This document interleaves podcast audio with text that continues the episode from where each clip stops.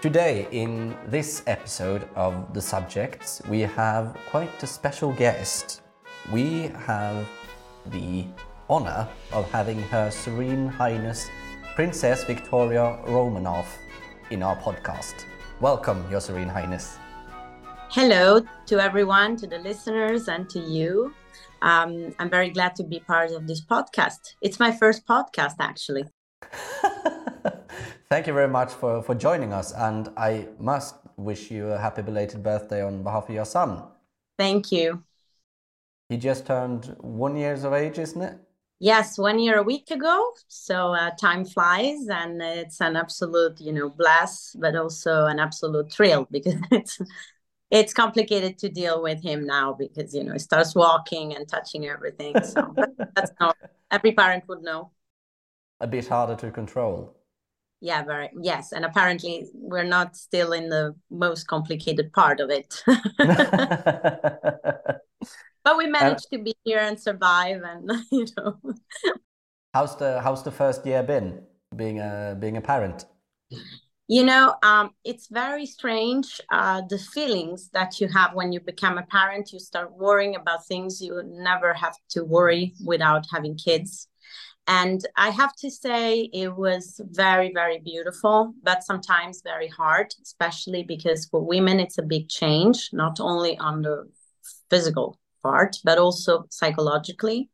And I think it's important that we raise awareness about the fact that there's a lot of women that go through very difficult time when they when they first have a child so it's important to stress uh, that you know women should be not left alone when they first have a baby because it's a overwhelming experience. And uh, it's important that we keep families united and that the men support them. And it's not always easy also because men don't go through all this uh, changes so they don't understand what what is the problem for women in that specific time. And uh, so it's very important that we keep an eye on uh, women especially because now families are disgregated. They don't live anymore together so you don't have the grandmother and the mother and everybody living in the same place so that they can help. So it's very important to know and understand that there can be depressions there can be problems and to really you know pay attention to it because it takes very little to to have a problem a big problem. Because you you're all quite spread the whole family because you were born in italy weren't you? I was born in rome yes but at yes. the time my parents lived in paris uh, so as soon as I was 10 days old, they put me in a flight to Paris. And actually, French was my first language because I was in France for, for four years. So, um, you know, I grew up with French most of the time. But anyway, it's yeah, very international life we had, which has its pro, but also, you know, I was very alone when I was a kid. Uh, and when when did you first uh, meet His Imperial Highness the Grand Duke? I met him in Rome through common friends at a party. I mean, the most normal story that there could be. Common friends at the party but we had a, just a very, a very brief chat because at the time we were 18 and we were studying he was studying in england i was studying in rome and i just got back to rome actually because uh, before that i was living in belgium so uh, when i finished my school i wanted to go back to rome and experience uh, la dolce vita um, for the first time i never had the chance to live in rome by the time and so I, I started my university in Rome and then I met him and then I briefly, very briefly met him. So I didn't have the time not even to chat with him. But of course, you you cannot forget uh, the surname of somebody that is named Romanov. So when 10 years later I I saw him again in Brussels because 10 years later we were both working in Brussels. I was working in aerospace and he was working in um, in the European Union. Uh, we crossed paths again and uh, somebody told me do you remember him from the party 10 years ago in rome? And i was like yes i remember him. And immediately you know our relationship uh, started very easily. It was so natural. Uh, we started hanging out as friends. Uh, those were beautiful years for us because we were living in in uh, in Brussels. Brussels is a very cosmopolitan city. Uh, and it was uh, very beautiful because we had a lot of work to do, very interesting work, and we we had common grounds because at the end of the day, I was working in aerospace with the European Union, he was working in the European Union. So it was, you know, the same kind of uh, interests and also foundation interest and charity, which I was involved when I was in Rome. I was in the Order of Malta. I volunteered uh, for many years. Uh, so uh, for me, it was something that was quite normal to do. And his family as well, and him as well, are absolutely into the subject. So, of course, uh, when we met, we had so much in common that we started, you know, this um, very friendly relation and then after a while we realized that there was ground to you know to to make something else and uh, we immediately after a while we fell in love and and here we are now and how how was it like to to become a part of like it's it's not like marrying into a normal family i i, I would i would say being part of a what would have been one of the uh, most ancient dynasties of the world. How uh, how was that like? Well, certainly. Um, I mean, I when I first met him, I immediately noticed that there was something different. I mean, in the way people would approach him, in the way people would think they know everything about him just because they they read on history books something about the Romanovs. Uh, so there's a totally different approach um, that comes with this type of families and the fact that everywhere you go people know you because it's an international uh, patrimony i would say this surname. And uh, for me it was uh, quite scary at the beginning i have to to be honest because i was a little bit you know I, it was so much out of what i was used to. Um, so I mean, it helped for for certain things that I was the daughter of an ambassador, so I grew up in embassies, so I knew a lot of things about protocol and those kind of things. But on the other hand, to be part of myself, to be into, let's say, the spotlight, uh, for people also to be aggressive toward us, it's not it's not it's not normal. It's not something normal. Um, but anyway we we are we are coping very well with this uh, the situation. I mean uh, we we're just you know live we live our lives. You cannot be appreciated by everyone of course but you know uh, there are a lot of uh, criticisms somehow but um, i mean we don't really feel that that's our problem because uh, it's not constructive criticism. It's more about you know especially on social media you can have a lot of people but that's something that happens to everybody. And you know uh, but it's interesting the fact that everywhere you go people think they know you just because they they know the story of your family or they read about you on the newspaper so they think they know you. And that's then they you know sometimes they come to us and they say oh but actually you're different than what i thought. And you know so it's a this false perception. On the other hand you know to be part of this family it's uh it's very very i mean for me it's an honor uh, because of course you, you become part of something that it's uh, so worldwide known and people that made history because this is what I always think. These people have done history not just in Russia but in the whole world because you know then history shapes itself around what happens here and there. Uh, so for uh, for me, it's actually um, an important legacy to carry on. Uh, but also we have to make sure that people understand uh, what is the core values that our family relies on and they foresee it. And also, it's important that we keep up with uh, the fact that we are part of this family. So uh, we, it's an enormous privilege that, on the other hand, we have to work. But when you when you married into this family, uh, uh, you had to convert to Orthodox Christianity. Um, how how was that process, and what was it like to convert to to Orthodoxy? Well, you know, um, technically, uh, both religions. I, I just converted the faith, not the religion, because it's it's all Christian. Then you have Catholics, and then you have Orthodox, and then you have others.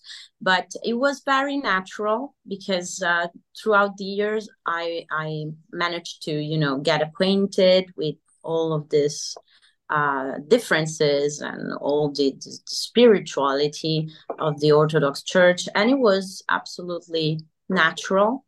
It didn't come as a shock to anybody, not even to my parents, which are still Catholics. But you know, it didn't come as a shock because it's it's it's very easy. Mm, it's not something that, of course, we thought about it. Of course, I I I, I was you know very sure about it, but it's not uh, like if you convert from one religion to another one. Uh, both are monotheist, both are Christian, and anyway, the, the grounds are the same. So uh, there are differences, of course, but the differences are much less than what united us. So uh, it's very important that uh, you know you you when you go through these things, uh, you have to be very sure that you want to do it because it's not like that you change and it's I mean, you have to be very sure about it. And I was very sure about it.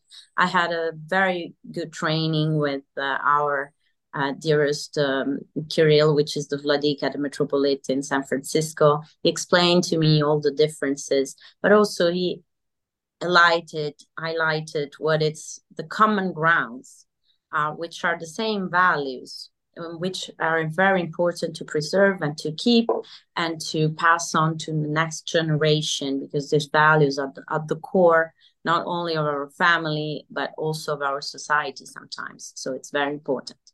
What uh, what did you think were the biggest differences between roman catholicism and orthodoxy well they started together right so i mean they started together they were in the same synod uh, then, of course, you know, uh, some differences ar- arose about um, te- about these are spiritual, but also, you know, uh, theological differences. So um, there are theological differences, but the fact that the Orthodox faith has always been true to itself. I mean, it never changes.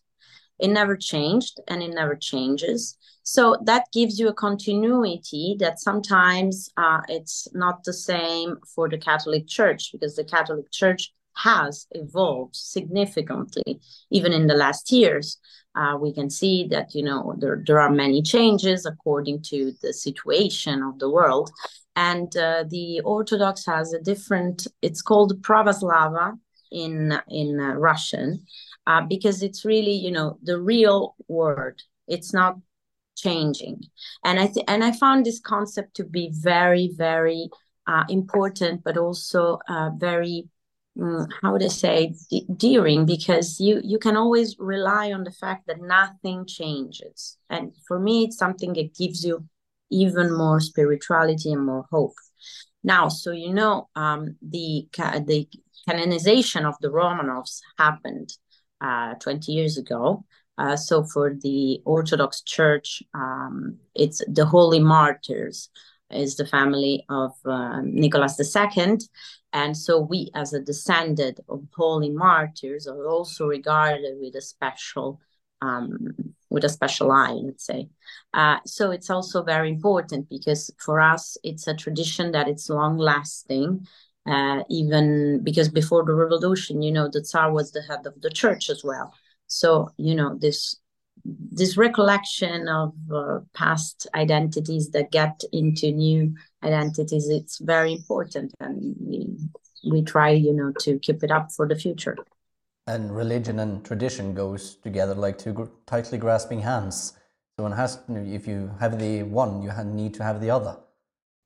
Sometimes yes and uh, when you married the grand duke uh, in uh, 2021, there were a number of members from the post uh, royal houses and imperial houses on uh, the guest list. And is it, and, and I've I've uh, seen a lot of pictures from your wedding and other um, quasi formal functions between these royal families. And is it an understanding between royal and imperial families that no longer rule to invite to invite each other to formal functions and socialize? No, uh, the fact is there's no such a thing as an understanding to take part into other members of royal families event. it's just that you know it's a big family. Uh, they have uh, layers, many layers of interconnections and blood ties between royal houses in Europe. Uh, this happened through marriages. If you look at the ge- geological tree of any of these families, you will find that they are interconnected with everyone else from other royal families. Uh, so, I mean, it, it, this is why Queen Victoria was called the grandmother of Europe, because she was the grandmother of many, many, many royals, because she promoted um, this sort of marriages in between cousins. Uh, so um, this is why when you have a wedding, you invite everyone. Then of course, but it's not just a wedding. We we we hang out and we we we have relationship, friendly relationship with most of royal families in Europe. Um, of course, it's private relationship that we have, so you wouldn't see it in the press. Uh, this was the case for the wedding because there was a lot of press, but it's not unusual to have members of royal houses that we, we, we hang out. And this happens in many countries. Uh, and, you know, the, the, direct family ties are just with the European uh, royals. But you also have a friendly relationship with other monarchs, reigning or non-reigning. I'm not making a difference here in between reigning or non-reigning, uh, with also um, families that are abroad, royal families from other countries, uh, Middle East, Asia, Africa. So it's uh, you know sort of uh, normal uh, to have relationship with them. Uh, then depending on you know the age the interest that you have it's sort of like a family. You you don't hang out for sure with all your aunts. Probably you have a preferred one. Probably you have cousins that you see more cousins that you see less. Uh, probably you have members of your family that lives abroad or that live right next to you. So this is also a matter of uh, interest because it's um, depending on what are you doing with your life then you hang out more with some of them or other of them. Anyway that's that's it. It's a big family and they're all interconnected. And that wedding was the first romanov wedding in russia for over a century. Um, how was it uh, perceived by the public? Well you know i personally i when we decided to go back to russia to leave um, i didn't know what to expect I didn't know whether this would be the perfect time for us to go, uh, whether this would create some uh, some antipathy or whether people would would regard us with sympathy. We didn't know uh, because every time we had, well, my my my husband had gone on official trips to Russia. Uh, you know, on official trips, you don't meet the real population. I mean, you you're just going there with a sort of an official duty, let's say. Um, and so, you know, people that are in this group to welcome you, they are, of course, happy to see you. But we didn't know whether, you know, the people from all the parts of Russia were happy with us or not. Well, of course, I have to say um, I was surprised because we've been welcomed very well everywhere we went. Uh, but on the other hand, I'm sure that there's people that are against uh, the monarchy, but that's like everywhere else. And I cannot say that I had a specific uh, situation in which I felt that they were really angry at us, etc. Uh, but again, you know, sometimes people think about the Romanovs and they think about people that lived 200 years ago uh, we, my husband and I, are very normal people. We work. Uh, we try to be uh, as much as possible of help. Uh, we founded two charities, so I mean, we we try to make the work. So um, maybe sometimes you know people think about the Romanov and they think about these beautiful portraits of 200 years ago of something that specifically happened. But in our case, you know, we just try to be modern in the way we portray the the, the Romanov unique and special name out in the world today. Um, so this is this is my feeling. Of course, the wedding. I don't know. I mean, I think there would be people that were saying why or I don't know. but I think you know history. It's a very important part of everyone's culture. I always say it's a luggage. So it's like when you travel with luggage or without luggage. Uh, if you have this luggage, you can always, you know, understand where you come from, where you want to go to. So I think it's a very important part of every country and every human being to know where they come from and where they go to. And it, this is why I think it's it was uh, for us it was very important to to be part of this wedding, and it turned out to be even more you know um, emphatic that we expected because you know when we when we got engaged we we just got engaged and we start thinking where should we get married? And um, and of course you know um, our chancellor informed us that uh, maybe we could arrange the the wedding in st petersburg. So we talked to um, the the priest that has married us uh, the metropolite. Um, and he said yes why not? You can get married here um, so you know it was like that. And we invited all our friends and family of course. We invited some royal families because as i was saying that's part of the family of my husband.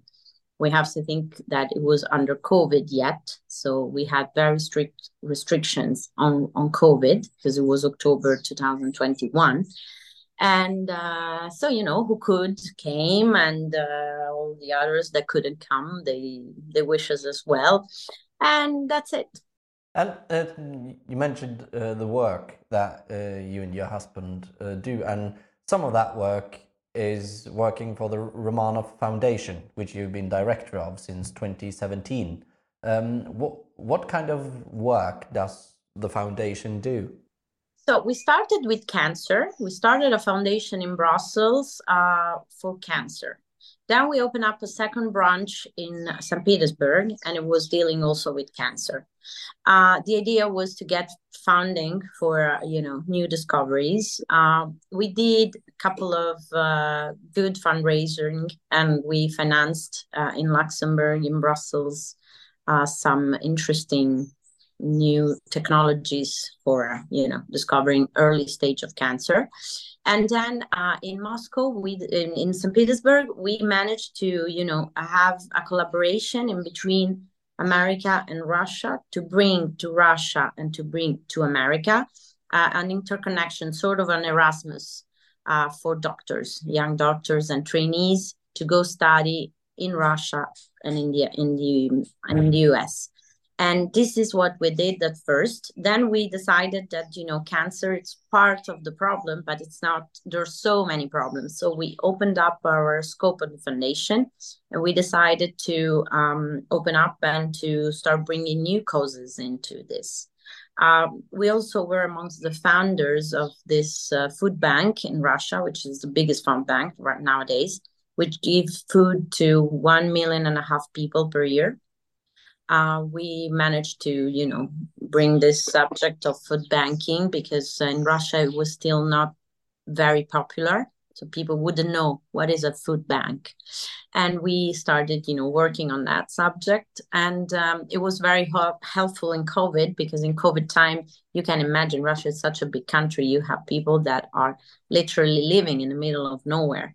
So um, you have to bring food to these people that were at home alone in the middle of a cold winter with two meters snow outside of the window. So this is also something that we did thanks to our 10,000 volunteers volunteers that were volunteering during COVID as well, and uh, an, an, enormous work we all did in order to push this foundation forward. Uh, then we also started to founding uh, autism uh, because you know we we discovered that one out of 160 childs in the world in the whole world um, is affected by disorders related to um, to autism. So this autism spectrum disorder very important to um, be attacked as soon as possible. So early warning it's really key because if you have a child that is with autism and you can start um, the therapy when he's one it's much more effective than when he's three for example so we started dealing with this issue as well and we had very very good results in uh, st petersburg in moscow um, the opening of new centers to cure these people and to cure the families as well, because the families need to be trained to deal with childs that are affected by this disease. And also, um, we decided to open up to also shelters and to help animals. Um, we also started this uh, project with palliative care. So palliative care is, you know, for children that unfortunately are dying and they're in desperate conditions. They cannot recover from very bad diseases. And so, you know, you try to to have them live the last days of their life in a very nice way and to give support to the family. So you know we we we do a lot. Uh, we also finance you know uh, through our uh, emergency fund we finance other things like abroad. Uh, usually it's community that needs help. So for example the russian community in malta needed help with covid so we shipped over um, sanitation devices and things like that and then we helped in albania when there was an earthquake in 2019 we sent uh, a lot of uh, you know um, goods for first necessity and we helped build some houses for those who had no houses, so temporary housing. Yes, so there's a lot to do, and you know it's uh, always a challenge. Uh, but I always, I'm always happy because as soon as we can, we can put our name, which is known internationally, to a good effort cause. It's always worth it.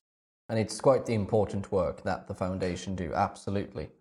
Uh, but as you as you mentioned earlier, there are quite that there are a lot of perceptions of what the Romanov family is and was. And one of the problems that the Romanov uh, family has had through the years is uh, the fake Romanovs, the one that do mean that they are part of the family and the foundation. Um, is that an ongoing problem or has that been smaller and smaller? through the years? Well, no, no, no. It's an ongoing problem because nowadays with internet, it's very easy to fake news. I always say to people, be aware of what you read in Wikipedia because we had the case of a person that changed the official Wikipedia page of the Romanovs to put himself into the dynastic lives, lines of the Romanovs, pretending that his great grandfather had married a Grand Duchess of Russia, which never happened. So imagine how easy it is because Wikipedia works basically on sources. So if you create fake sources, they don't check if the sources you're inputting are right or wrong. So, you know, with the internet, it's spreading fake news all over. But we are not the only ones. I mean, every royal family has been going through this uh, fake pretenders, fake whatever. Uh, you know it's part of uh, the fact that we have to keep an eye on these people because sometimes they can be detrimental to the family i mean you have people that have no harm that are posing no harm to the family because they you know they just think that they are but it's okay uh, but you have people that try to do business through it or do things that you wouldn't really recommend. And you know given the fact that now they have the tool of using the internet it's it's like an explosive bomb. But on the other hand you as a, as a member of the family can also use the internet and the platform to spread around your existence. And you know so the people know that it's it's probably not uh, real what they're reading about other people. But you know since anastasia i mean anastasia it's uh, one of the mythologies uh, of the of the past century. Um, in that case, um, for what I've heard in house in our family, um, it was the daughter of somebody that used to work at Tsarskoye Selo, the, the, the palace of the Romanovs, so the, the Tsar palace. So uh, this is why she was uh, so, I mean, she knew everything about it because she used to live there.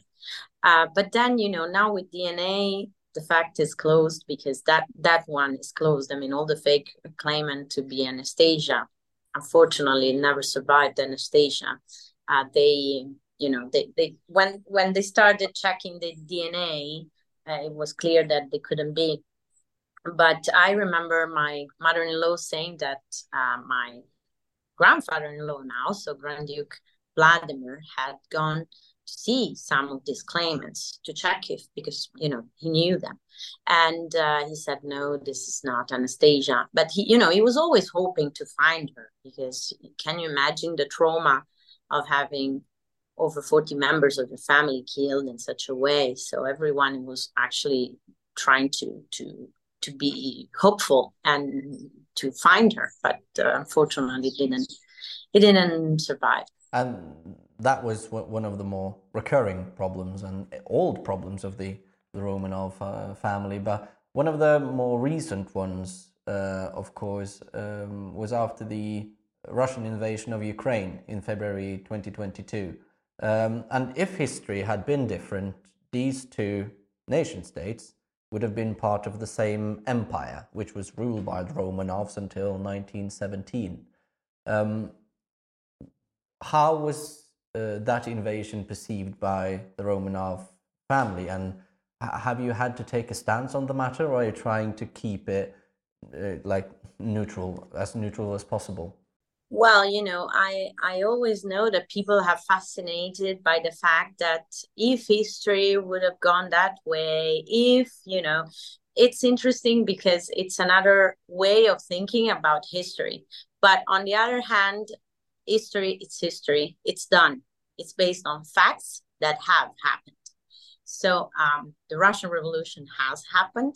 Romanov don't bear any politics uh, assignment or anything to do with politics since the russian revolution and uh, also the family is not uh, 100% um, let's say informed about what happens uh, because those are matter of the state so we no one of us has access to to those kind of information. So uh, we, we read what we read in the press.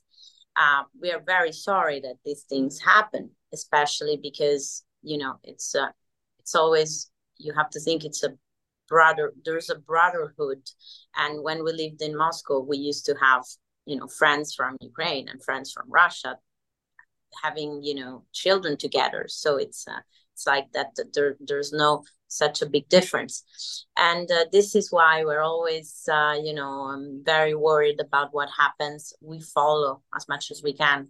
And we try to help through our foundations. For example as soon as this um, as, as soon as february 2022 uh, we sent over 60 tons of foods and goods of first necessity uh, to people in need especially children and especially families uh, because you know it's um, it's it always comes with uh, a shock and with a lot of problems. And the ones that are making the expenses most of the time are the children and also then they they are traumatized. So um, we really hope that this situation can stop as soon as possible and we're willing to help you know uh, people that are in need as much as we can which is what we do.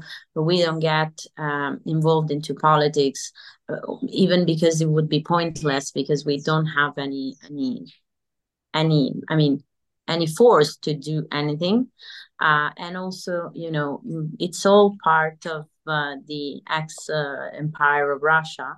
But so we, for us it's it's all very dear to our heart. All the parts of the ex-Russian Empire are always like you know dear. When we when you visit any one of these countries you will find that they have a statue for the tsar.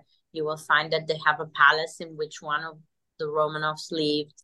So you know it's a, it's very complex situation what happened uh, in recent years and we really hope for a quick resolution of this conflict and uh, for for people to be able to go back to their normality as soon as possible. Uh, but unfortunately, we live in a world that it's very complicated nowadays, as we can see. Even recent events around the world are not, I mean, they're very alarming. So we really hope that you know we can soon find a balance to all these problems and think about the children. I don't know, but since I became a mother, I I have uh, a response. I feel that I have a responsibility towards the children, not only my children, but to to the children of all the world because uh, when you become a mother you have this sort of instinct that unleashes that it's like if you see a baby and it's not your baby but if it's in trouble it makes you sad and it makes you feel like it's your problem too. So you know it's important that we we keep positive and we think about the future for all everyone uh, to have a normal restoration of normal relations uh, as soon as possible has it been harder to do the work for the foundations that you run uh, bearing a name so closely related to russia after the invasion? No because i mean everyone knows that we everyone everyone everyone knows the story. So everybody knows that we are not um, involved into politics that we don't do anything uh, with politics and that uh, we keep uh, our family tradition as a legacy and what happens today has absolutely nothing to do with our family. What we represent it's a long tradition a long history. We have a household that has ruled russia for 300 years. So you know it's it's uh, it's different. It's not the same. It's uh, two different things. I'm so happy that you that you respond to these questions so honestly. Um, and but now we're going to move over to more what would you call it light questions? Not so heavy. Which one of the emperors or empresses of russia do you find the most fascinating? You know this is a very complicated question to answer because there's so much inspiration that can be drawn from each one of them. Everyone has done something incredible and in my it's my belief that everybody has done something incredible because otherwise you know they wouldn't have ruled for 300 years it's if you think about it it's quite it's quite complicated to rule for 300 years without an interruption so i mean all these people were so much uh, strong, so strong, so in- interesting. Everyone from the first Tsar that was uh, done Tsar by not by fighting, but it's it's very strange. The family Romanov never ruled with force. In other countries, you will find that you know there were slaughters, etc. So one prevailed upon the other. The Romanov dynasty started because Ivan the terrible uh, ended his reign without a heir and there was the trouble period in which they didn't know what to do so um, the, the, the, the, congress of the nobles uh, decided that you know this little um, man that was 16 years old very cultivated he was a monk uh, should be brought from the monastery in Kostroma and rule over what was Russia at the time. So, uh, can you imagine a start as different as the other families and uh, this means that you know everything that the family has done was always thinking about the fact that they have started in a pacific way. And uh, the idea of pacification came out in many other situations with other tsars and tsarinas.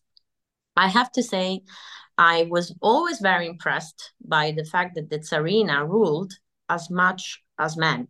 There was no distinction in between men and women. And also, there was this golden age, which in Russian is called the Diamond Age, um, which was in uh, in the time of enlightenment in Europe. In Russia, women from noble families, so aristocratic women, could be totally independent. They didn't need a man to own land. They if they could keep the title in case of you know the of a split. Uh, so I find that that part is absolutely mesmerizing because it was so, so modern. They've always been ahead of their time. Even if you think about what Catherine the Great, Peter the Great, I mean, Peter the Great would just roll up his sleeves and go see how it's a, a ship is built or uh, you know he was looking and overlooking at the construction of st petersburg for a very tiny house in the middle of nowhere so these were people that are remarkable not just for what they accomplished as when they were in rule when they were in function and ruling but also as as personal personally. I mean they were they were so ahead of time. They were so into what we were doing. It's absolutely remarkable. And i think every one of them deserves uh, a special attention. Because somehow if the dynasty continued it's because everybody has done everything correctly. And also people behind the scenes so for example the spouses or you know people that were behind the curtains. And these people have had absolutely a very good influence. And uh, these czars and czarinas they ruled as autocrats or i think in russian it's called samoderzhets um, and uh, being an autocratic ruler means that you have like all the power all the power is radiating from you. So everyone else who has power has received it from you. Um, and they often they were, russia was an empire it was a militaristic empire. Uh, is it many people that still connect the present family to kind of this autocratic militaristic empire no, but I think, you know, even if you're an autocrat, you have people behind. A part of the fact that everybody was an autocratic uh, ruler. I mean, not that in other countries, at the time it was like that. Uh, but the fact is that you always have counselors, you always have people that tell that, I mean, they give your opinion. You have ministers, you have at the camp you have your wife just simply. So i mean it's i don't think it's just you know the, the decisions are made just by one person because he wakes up in the morning and decide this or that because like that it wouldn't have worked. So i think that there's much more complication and a level of complexity uh, it's like if you compare today uh, a president or a minister they have a cabinet they, they so it's a it's a simplification i think. Uh, this uh, idea of you know the autocrat that decides everything for everybody. I don't think so. Uh, for what it's my research and understanding russia was very well ruled um, in uh, during the, the empire. So you know and it was a big empire. Imagine nowadays it's 10 jet lags. So can you imagine which is the biggest of them all, which is which is on the border with a lot of other important countries. So it meant really, you know, that you have to be very focused, that you had to be very sure of what you were doing, but also to have an extreme knowledge of your country, your people, what to do, how to do it. So I think they were actually brilliant. And I also think that no ruler would take any decision up on his feet just because he wakes up in the morning. I think they would think about it, that they would have people that are counselors and they would, you know, uh, because something that you can see in history, like in nowadays families, members of royal families, it's not about themselves it's never about themselves. It's more about the idea that you have to uh, give and think about others first than for yourself. And this is you know a statement that it's very clear when you meet people from royal families. They have this education in which duty comes first you can talk to 10 times to, to everyone they will say the same. It's uh, this idea of duty. It's not about myself it's more about duty. And this is why i don't think any ruler or ex-ruler or families from uh, they can take things in a way that it's you know it doesn't matter. I decide and it's my choice. No. Before they act they always think about the greater good because it's their responsibility Imagine that in Russia, the Tsar was the father. People would go to him and, and say, Father, because it's so important that you understand that these people would rule in a situation where outside is minus 20, minus 30. So every decision they would make had a direct impact on the life of their citizens. But being part of one of the oldest dynasties that exist, um, there is a huge part that is of gold and gems. and are there uh, some of the Romanov gems that still belongs to the family? And which royal heirlooms are there? So yes, there is a lot of fascination with the Romanov jewels uh, because they had an enormous collection of jewelry and very good masters to make these jewels fantastic. So it's a, it's a very important part of the family, uh, the jewelry part. But unfortunately, we didn't manage to keep any uh, because in 1918 there was um, Lenin that made a law by which all possessions of the family, whether private, whether public, should be completely nationalized. Uh, so there is a big collection nowadays in the Kremlin of what has left. Uh, some parts of the jewels were destroyed, some other parts were broken, and third parts were smuggled. But uh, there's no collection, unfortunately, that it's of the family nowadays.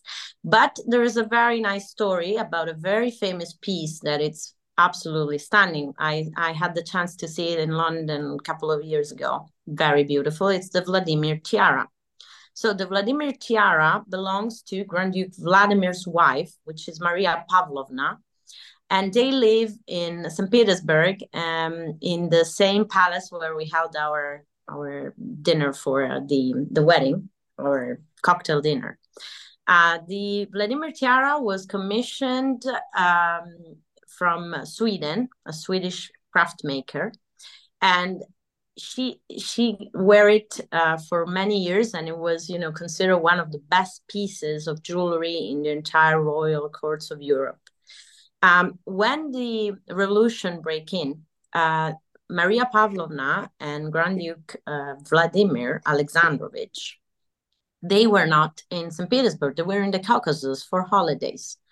So they didn't have time to come back and collect their jewels so she managed for one of her friend to get into the palace dressed with a costume, like dressed as a work maker, like a worker basically.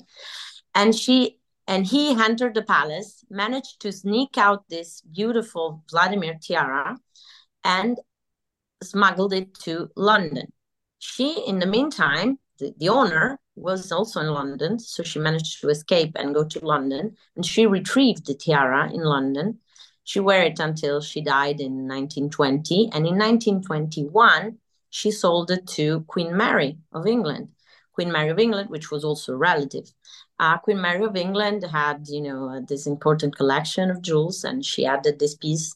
And then the later, the latest queen wore it a lot in England. Queen Elizabeth used to wear it and interchanged the beautiful pearls with emeralds, uh, emeralds from Cambridge. So um, it's very, you know, it's. I mean, the this beautiful setting with the pearls or with the Cambridge emeralds are very beautiful. And this Maria Pavlovna, which had a very exquisite taste for jewelry, is the great grandmother of my mother-in-law. So it's the great grandmother of it's the grandmother of my mother-in-law. So it's the great grandmother of my husband. So it's a it's a piece that it's from our line. And it's a beautiful, beautiful piece, and one of the most majestic ones that are now owned by the British royal family. Yes, and also very famous because you know uh, the the English royal family wears it a lot. You mentioned uh, earlier the Order of Malta, uh, and I have I have seen uh, uh, dur during my research because I'm specifically interested in that order that uh, some of the princes and grandmasters of the Order of Malta has had the Order of Saint Andrew, which is the highest order of chivalry from the, both the Russian Federation and um, and the Romanov uh, as a dynastic order. Is there a difference between these two? That there's one national order under the sovereignty of Russia uh, and or the Russian Federation, sorry, and one dynastic order under the sovereignty of the House of Romanov. Yes. So first of all, there is a strong relationship between the Malta, the Order of Malta, and uh, the Romanov house. Because uh, when Peter the First, uh, Paul the First, sorry, was a Tsar, uh, the Order of Malta was being chased. So uh, Peter, uh, Tsar Paul, sorry, Tsar Paul. I repeat, so you can you can cut this part. Uh, so first of all, there is a strong tie between the Order of Malta and the Romanov household. Uh, because during the time uh, when Tsar Paul I was Tsar, uh, the Order of Malta had gone through some troubles and they were chased um, in Europe. So uh, Paul First received the, the Knights of the Order of Malta in Russia. He saved them, and this is why he became the first member of the Order of Malta not to be um, Christian Catholic. Since then, the tradition kept. So all the Grand Dukes of Russia, so all the head of the house, receives uh, the Grand Bailli. They are Grand Bailli of the Order of Malta, in spite being non-Catholic. This tradition keeps on today. On the other hand, uh, the House of Romanov awards of the St. Andrew's Order the um, the head of the Order of Malta. So um, that's the procedure. Uh, but in Russia, yes, uh, the first time um, Peter I had established uh, in 698 the St. Andrew's Order. Now, what happened is that since then, it never stopped existing. So knights would retain their orders, chivalries will retain all of their medals, etc. And Grand Dukes of Russia received this order upon the birth. So when they're when they when they're birds, they receive this um, important decoration. Um, then what happened is that President Yeltsin uh, created the order again as a state order. So uh, now there are two orders. One, it's the historical one that is given by the head of the Romanov family. And the second one is a new established one that it's from the Russian Federation state. Uh, that one is given as the highest distinction of merit for citizens uh, of the Russian Federation. Uh, so they they exist. Both of them exist nowadays. Uh, the difference is on the color of some part of it because you have the sash and then you have this metallic part. Um, so one it's uh, black and the other one is gold and that's the difference to spot the difference which one has been given by whom thank you very much for enlightening me on that part. And thank you very much for taking a part of uh, this episode of the podcast. Uh, thank you very much. Uh, and i think uh, uh, everyone who listens to this podcast will be very interested to listen to what you've said. Thank you for having me